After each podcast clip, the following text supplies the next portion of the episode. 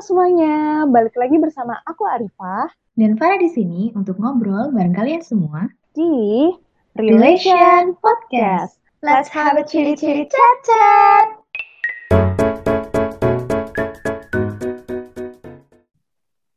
Halo semuanya, balik lagi di Relation. Uh, di episode kali ini kita bakal bahas tentang toxic masculinity. Jadi kayak yang aku sama Farah janjiin di podcast sebelumnya, kalau kita bakal bahas tentang toxic masculinity. Nah, uh, tapi hari ini kita nggak bakal ngobrol berdua aja ya, Far? Betul, kita ada bintang tamu spesial nih hari ini. Hmm, siapa tuh? Dudu dudu dudu dudu. Kenalan dulu dong. Hai. Aduh belum belum udah ada suara horor. thank you, thank you. Perkenalan, Makasih, perkenalan. Guys. Ya, ya, ya, ya. Makasih lady saya Gilang, ya teman kuliah kalian. Cuman ya agak tua aja lah, jadi apa? Sedikit banyak ada yang dibagi untuk cerita kali ini. Atau Cile. gimana gitu? Ya, itulah. Oh Sibuk ya, apa sih sekarang Mas Gilang? Sekarang sibuk kerja sambil kuliah juga gitu. Jadi ya itulah namanya hidup. Kuliah juga, kerja juga. Mantap, mantap. Sekarang eh, kan Mas Gilang nih udah nikah ya? Betul. Eh, eh, usia pernikahannya berapa lama nih Mas? Udah berapa lama sih menikah?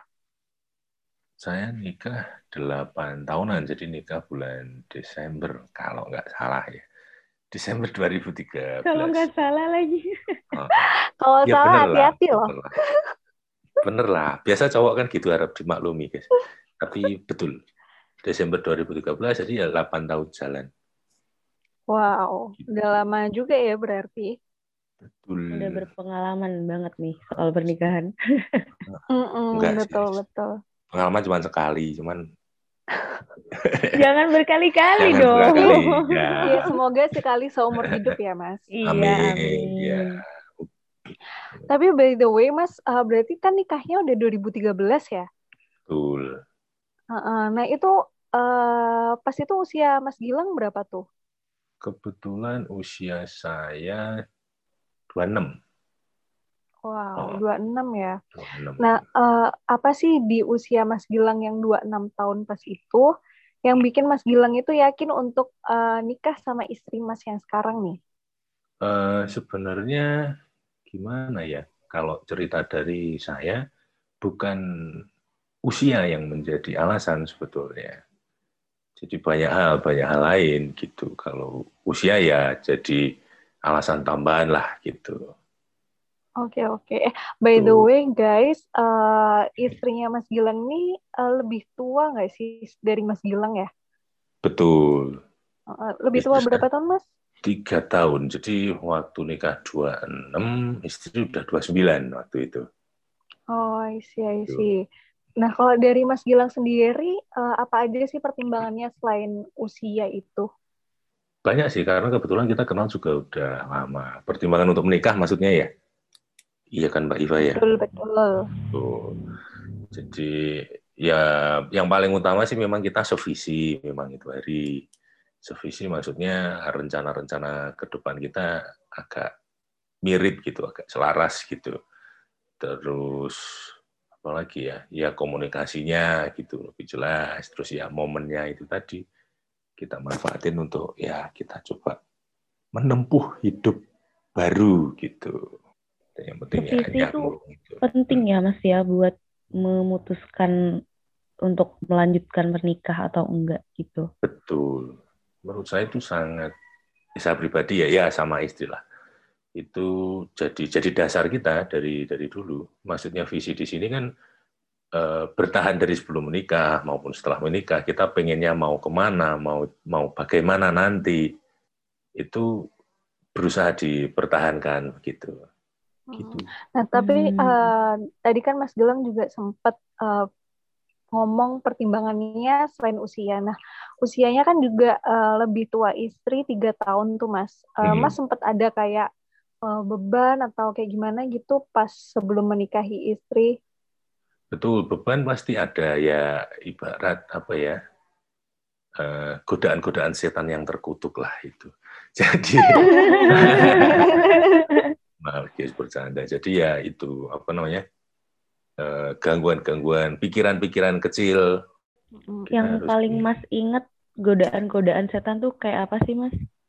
Ya banyak sih. Teman misalnya itu tadi apa usia itu tadi misalkan apakah saya berani itu yang pertama. Terus yang kedua posisi saya sebelum menikah ya bisa dibilang belum belum mapan ya. Biasa kan dulu eh, kalau cowok mau menikah harus mapan dulu, harus jelas dulu masa depannya gitu.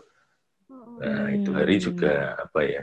Kondisinya juga tidak terlalu menguntungkan bagi saya. Maksudnya untuk persiapan menikah memang belum belum menguntungkan. Cuman kita jalani dulu gitu. Tapi tetap ada, maksudnya waktu itu juga tetap ada ini kan Mas, rencana pekerjaan tuh untuk menjadi mapan tuh ada kan sebelum menikah. Betul, ada. Cuman ya itu tadi kayak kita mikirnya sambil sambil jalan gitu. Hmm. Nah, by the way, Mas Gilang nih keren banget loh. Soalnya dulu Mas Gilang itu sempet nemenin istrinya Mas Gilang buat kuliah dulu di Aussie, ya nggak sih Mas? Ya betul. Mantap Jadi- banget. Oh, Istrinya Mas Gilang duluan yang melanjutkan sekolah sebelum akhirnya sekarang Mas Gilang yang lanjutin sekolah ya. betul. Jadi sebenarnya juga berhubungan sama visi kita sebelum nikah karena istri kan memang eh, dosen waktu itu. Dia dosen duluan, saya kerja di swasta, saya di luar Jawa, kebetulan di Sulawesi itu, di Kendari, di Sulawesi Tenggara. begitu. Jadi tapi visi kita udah sudah sudah apa ya se- selaras lah dalam artian nanti ke depan kalau soal pekerjaan dosen kan memang diharuskan untuk studi lanjut ya kan. Betul. Nah itu sudah sudah kita bicarakan secara terbuka di depan. Nah itu Hmm. hari memang ya mungkin jadi tantangan juga ya. Tapi ya itu saya tidak terlalu melihat Banget sebagai lah. tantangan. Cuman Wow.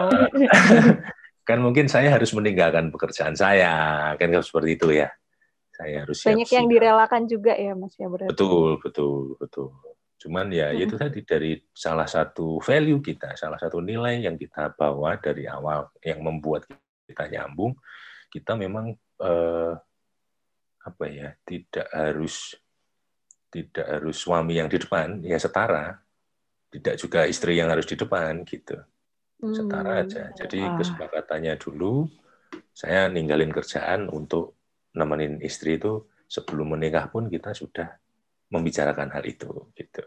Oke. Oh, Dan dua-duanya sepakat gitu awal. ya. mm-mm. Hmm, betul. Kita sepakat itu. BTW Mas, eh, pas di Aussie itu istri Mas itu eh, ngelanjutin sekolah apa Mas? S2 kah atau udah S3-nya ya? Sekolah S3 kebetulan. Jadi waktu menikah pun istri S2-nya udah selesai gitu. Oh gitu. Wow.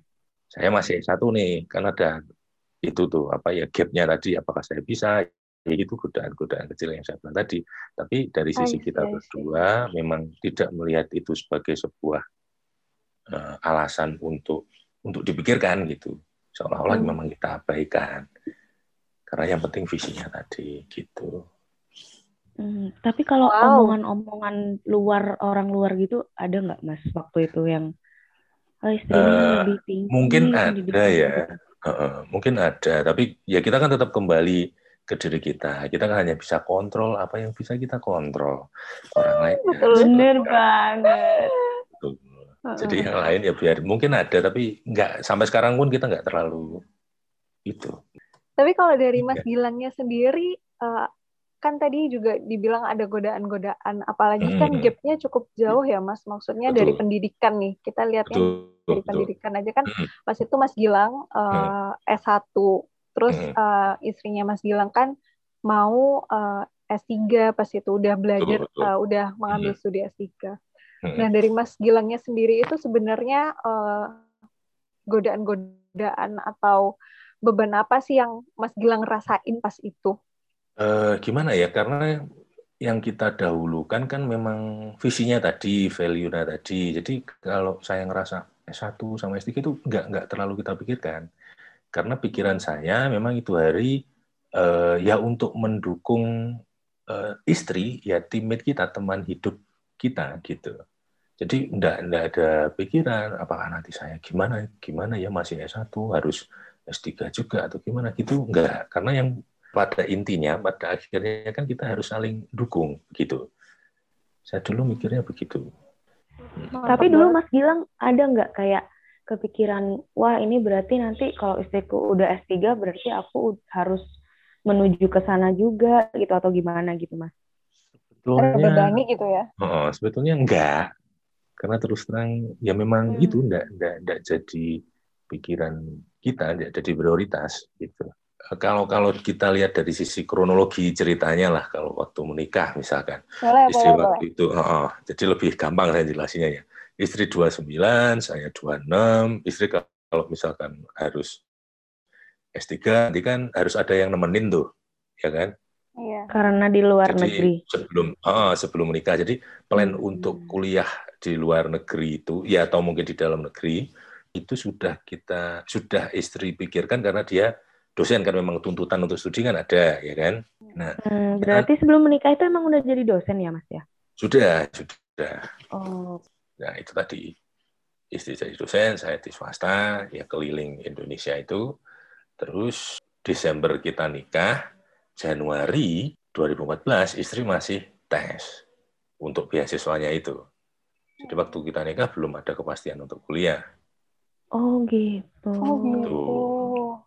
Nah begitu Juni ya Juni Juli 2014 istri berangkat ke Australia satu bulan kemudian saya menyusul gitu. Jadi uh, waktu itu saya juga ada usaha apa segala macam saya tinggalin ya untuk support istrinya ini tadi gitu. Gila, Gila keren, banget. maksudnya maksudnya gimana ya sebagai cewek pun ya hmm. pasti aku mikir juga gitu loh untuk hmm. meninggalkan apa yang udah aku bangun di sini untuk ngikut suami aku misalnya studi dua tahun gitu di sana di luar negeri atau beberapa tahun gitu. Dan harus kembali lagi mulai dari nol lagi jadinya ya mas ya? Iya iya itu. Dan kebetulan empat tahun itu hari jadi empat tahun wow. oh, oh, jadi kan memang agak panjang kalau misalkan tidak segera apa menikah terus ya kita temani di sana gitu kan.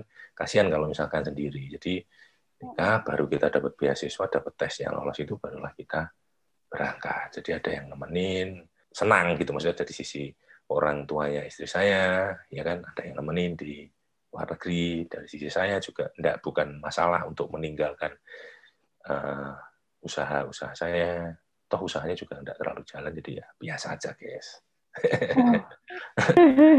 tapi kan tetap aja itu sudah dimulai betul. gitu mas sedangkan kalau mas bilang ke luar negeri kan akhirnya ya itu tadi balik dari nol lagi kan pas balik ke Indonesia lagi betul betul dan ya sharing lagi ya guys ya waktu hmm. saya di sana sebetulnya banyak juga yang posisinya seperti saya.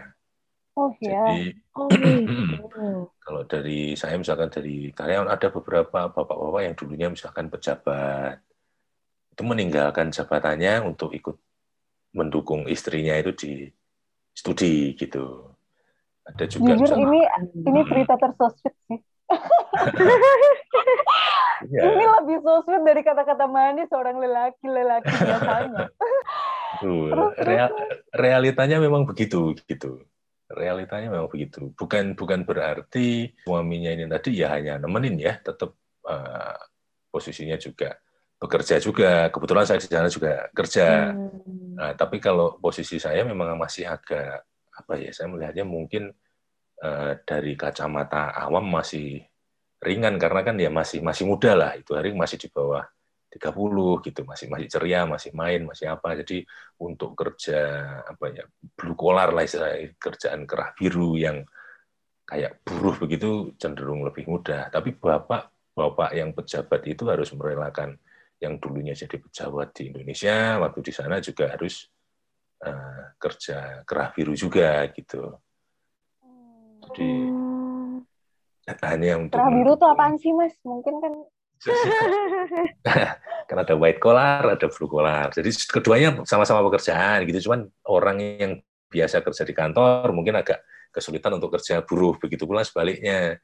Jadi ibarat dibandingkan dengan teman-teman yang dulu di sana, mungkin pengorbanan saya tidak terlalu besar karena banyak yang meninggalkan karir yang memang jauh lebih wah dari saya, memang bapak-bapak pejabat, atau uh, mungkin kalau dari pejabat negara, apa karirnya harus ke delay dulu, agak hmm. apa namanya, karena harus mengikuti istrinya studi lanjut, begitu.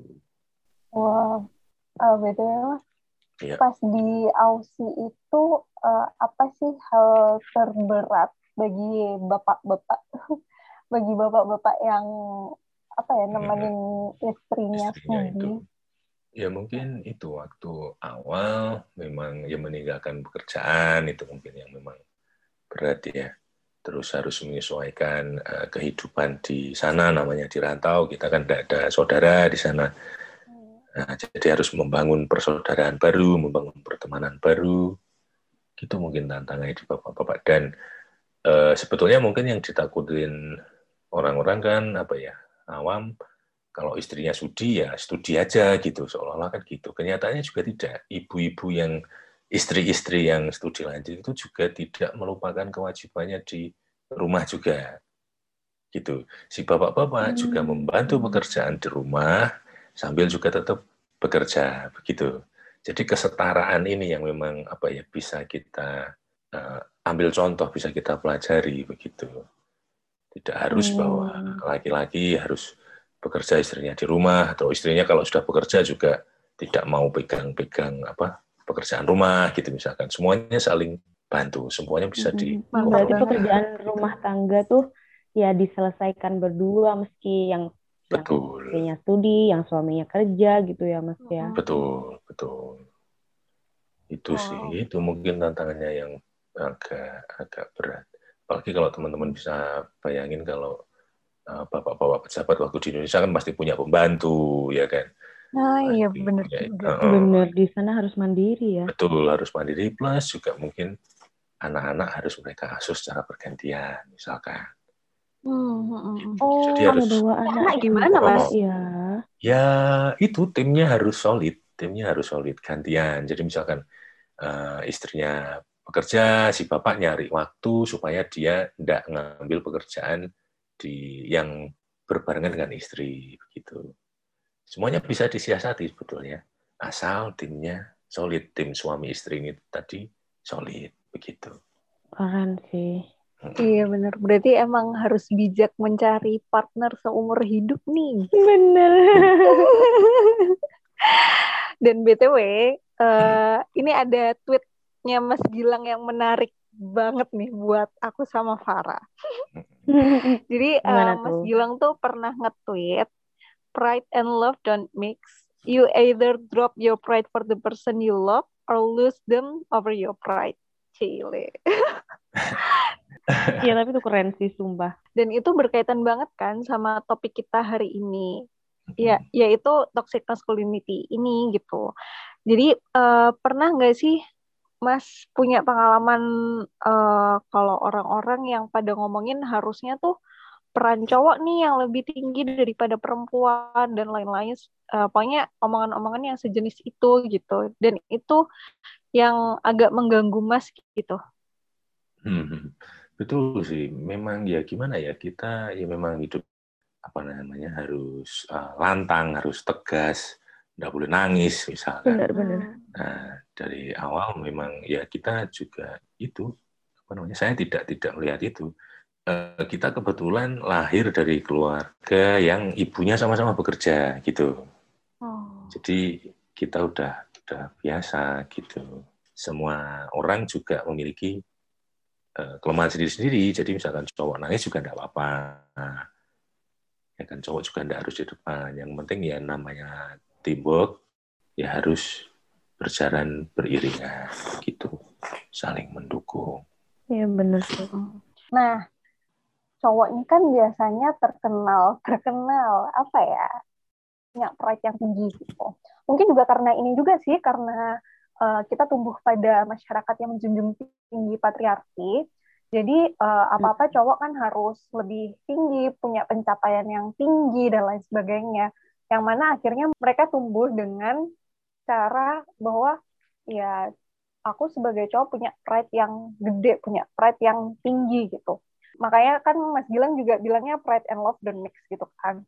Nah, gimana sih Mas caranya supaya nggak usah terlalu mentingin ego itu dan akhirnya ya memperjuangkan rasa cinta kita ke orang yang kita sayang gitu. Dari tadi kan Mas Gilang juga uh, sebenarnya udah nunjukin kan kalau emang Mas Gilang emang lebih memilih cintanya daripada pride-nya sebagai betul. uh, uh, laki-laki gitu kan. Tapi gimana sih Mas prosesnya untuk menerima itu? Ya, itu tadi ya mungkin karena latar belakang ya kita berdua tadi. Jadi saya juga tidak terlalu bangga, maksudnya harus laki-laki harus di depan gitu juga enggak. Kebetulan value dari visinya istri tadi juga seperti itu gitu. Kita saling mendukung begitu.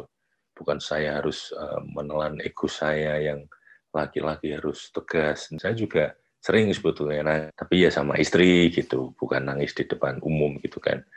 Itu ya itulah. Jadi yang penting nyambung gitu Nah, saya memang uh, agak beruntung mungkin ya kalau dibandingkan teman-teman yang lain karena eh, cowok-cowok yang lain karena saya dididik juga untuk apa ya setara cowok dan cewek sama gitu. Jadi untuk proses kalau Mbak Eva tadi menanyakan proses uh, menurunkan egonya tadi, ya mungkin dari awal saya tidak terlalu apa ya tidak terlalu harus di depan gitu dan beruntung lagi ketemu istri yang juga satu visi, satu value, satu nilai gitu. Berarti karena memang dari dulunya value-nya Mas Gilang dan istri emang udah kayak gitu ya Mas ya. Betul. Berarti ini tuh sebenarnya memang penting buat diterapkan ke anak-anak kita nanti sejak dini hmm, kan. Benar banget Betul. sih. Betul.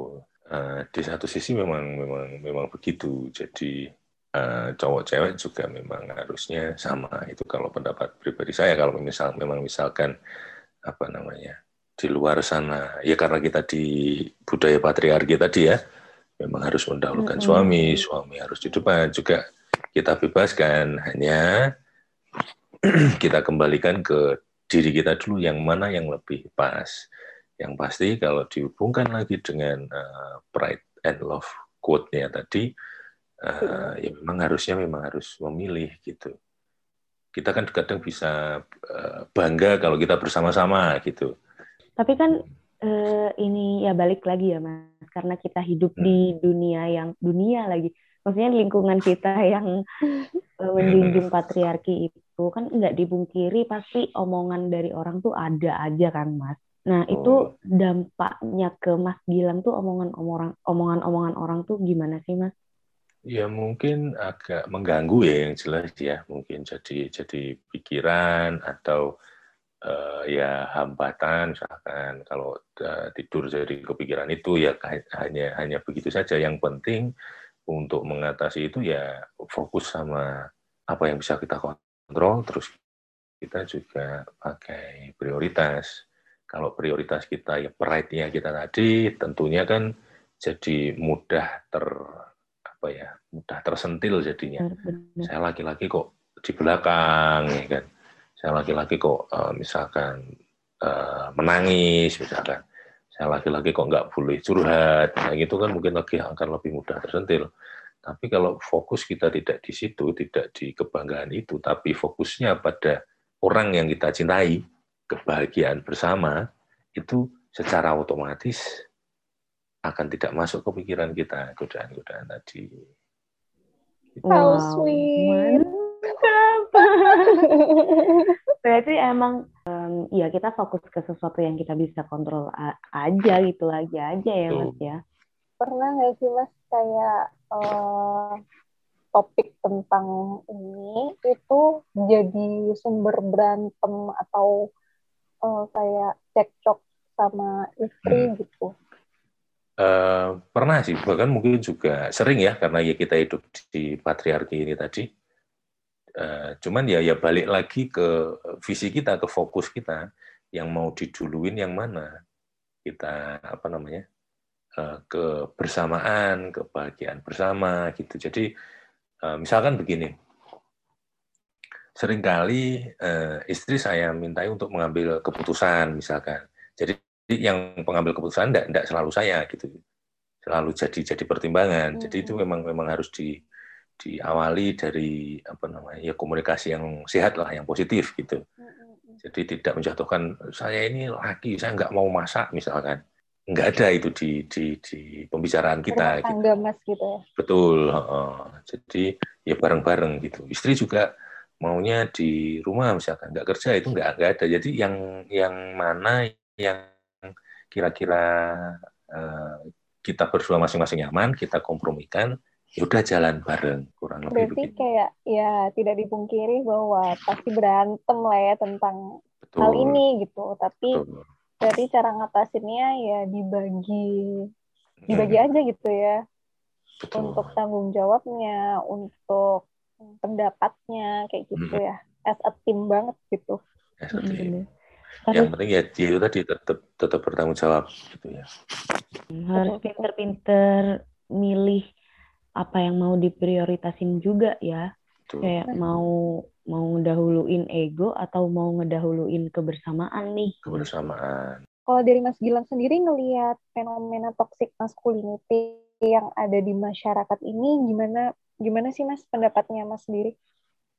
Uh, gimana ya? Memang memang agak nggak terlalu sehat ya. Jadi seolah-olah seorang laki-laki harus dituntut di depan, sementara perempuan yang apa secara alami uh, agak di depan misalkan atau uh, ya jalan hidupnya agak di depan misalkan jadi harus uh, mundur sedikit misalkan. Iya, kan seolah-olah kan jadi tuntutan sosial begitu. Padahal ya semua orang kan berbeda. Semua orang kan idiosinkratif ada punya sendiri-sendiri punya uh, atribut sendiri punya uh, pengalaman sendiri pemikiran dan jalan hidup sendiri-sendiri gitu. Jadi kita ambil yang positifnya saja, misalkan toxic uh, maskulinitasnya tadi jangan sampai jadi toxic gitu. Jangan sampai membebani yang laki-laki maupun yang perempuan. Benar sih. Jadi, Berarti ya maskulinitas itu tetap ya wajar ada dan memang ya sudah dalam diri laki-laki memang ada maskulinitas gitu ya Mas, tapi jangan sampai jadi toksik juga gitu. Betul, jangan sampai menjadi beban. Dan emang bener sih, jadi maksudnya tuh nggak selalu orang yang lebih muda itu hmm. lebih childish daripada kamu gitu atau orang yang lebih tua itu pasti lebih bijak daripada kamu mungkin aja bisa kebalikannya gitu kan mas betul ya, itu jadi kayak uh, age doesn't matter so much lah ya seharusnya. Betul betul, betul. benar benar. Ya kan kita kan kita memang setiap hari bertambah tua tapi belum tentu bertambah dewasa ya kan? Betul sekali. Betul betul betul. Bener banget. Nah kalau yang masalah kayak pendidikan atau pekerjaan atau biasanya nih ya yang jadi masalah rumah tangga kan uang ya finansial betul. nih. Nah iya itu uh, banyak.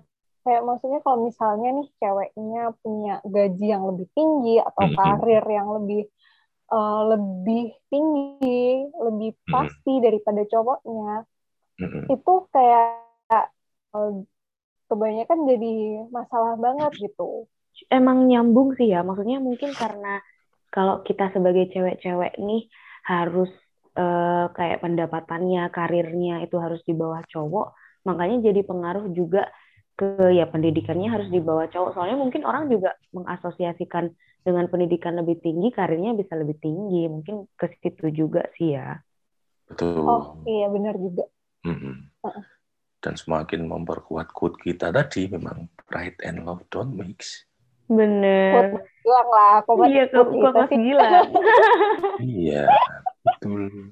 Iya ya udah kita tinggal mau kamu mau pilih pride-mu atau mau hmm. pilih love-mu gitu Betul, bersama-sama. Iya. Padahal seharusnya ketika kita uh, mendahulukan cintanya itu tadi, oh. di situ kan sebetulnya ada kebanggaan juga. Saya bangga, misalkan saya yang laki-laki bangga istri saya selesai S3-nya gitu misalkan. Kan dapat dapat Wah. pride-nya juga sebetulnya. Iya bener Tapi- sih. Tapi apabila dibalik, kalau kita mendahulukan pride kita, cintanya dapat ya, tapi hanya cinta pada diri kita sendiri aja. Kita semakin mencintai diri kita gitu, semakin bangga dengan diri kita, tapi cinta yang untuk berdua mungkin hilang gitu, harus ditinggalkan. Iya. Bener. Misi bentar, saya mau tepuk tangan dulu.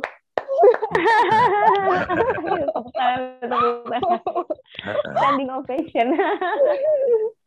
Eh, jadi eh, ini Mas, kalau dari Mas Gilang ada nggak pesan-pesan yang pengen disampaikan buat orang-orang di luar sana yang mungkin masih terjebak nih di toxic masculinity? Mungkin dia sebenarnya tahu tentang toxic masculinity, tapi ya karena lingkungannya dia yang memaksa maskulinitas itu jadi toxic gitu, jadi dia jadi susah buat keluar dari lingkaran setan itu tuh. eh, Mas Gilang ada pesan-pesan nggak buat mereka? Atau mungkin yang masih belum sadar juga? Iya, iya. Ya, ya sharing aja ya. Kalau jadi pesan kayaknya saya tua banget kayaknya. Jadi Menolak tua Iya. ya? Ampun, Oh. ampun. kita harus muda terus. Mungkin itu dikembalikan kepada diri sendiri. Prioritasnya yang mana? Ya toh. Kalau dapat beban suara-suara dari luar, misalkan laki-laki harus eh, tegas, harus apa namanya eh, harus di depan harus lebih tinggi dari eh, perempuan misalkan. Kalau arahnya ke positif tidak apa-apa. Tapi kalau sampai membebani atau sampai membuat hubungan jadi tidak terlalu optimal, itu sebaiknya value-nya itu agak dilonggarkan begitu. Lebih fleksibel Biar gitu. tidak betul fleksibel. Yang lebih utama adalah apa yang menjadi fokus kita, terus ya kompromi sama situasi. Misalkan apa ceweknya pendidikan yang lebih tinggi atau lebih kaya atau ya apa untuk urusan hubungan ya, bukan cuma toxic masculinity-nya saya geser dikit itu eh, pastinya eh, dikompromikan. Apa-apa nih yang bisa kita jadikan prioritas untuk eh, kebersamaan gitu. Untuk cinta yang bersama tadi gitu dikompromikan. Nanti dari pembicaraan itu tentunya ada value-value dari maskulinitas yang mungkin agak dilonggarkan gitu. Mungkin ada sedikit cerita yang mungkin agak kontroversial ya ini budaya kita yang timur ya. Pernah saya ceritain dulu yang, yang sering kali jadi senjata bagi bapak-bapak yang maskulin. Seringkali kan eh, kalau bisa eh, budaya timur main istri harus di rumah misalkan. Dari satu sisi mungkin itu ada benarnya. Tapi kalau kita lihat dari sisi lain eh, contoh kita Nabi Muhammad juga sebetulnya waktu pernikahan pertama juga eh, menikahi seseorang yang lebih dewasa, lebih tua, juga dari sosioekonominya juga lebih tinggi. Bunda Khadijah kan memang posisinya Benar, seperti benar, itu. benar. Nah, sering kali itu luput dari perhatian kita yang awam begitu. Yang sering Dan itu monogami juga kan betul. sebenarnya. Maksud saya ya tetap dikembalikan kepada pilihan kita kalau yang mau uh, pro maskulin terus berpoligami juga silahkan, tapi juga misalkan yang tidak, yang berusia, eh yang menikah dengan wanita yang lebih tinggi mungkin status sosial atau pendidikan atau usia itu sebetulnya juga bukan sebuah masalah gitu. Tepuk tangan lagi nggak nih? Jangan dong. Tepuk tangan.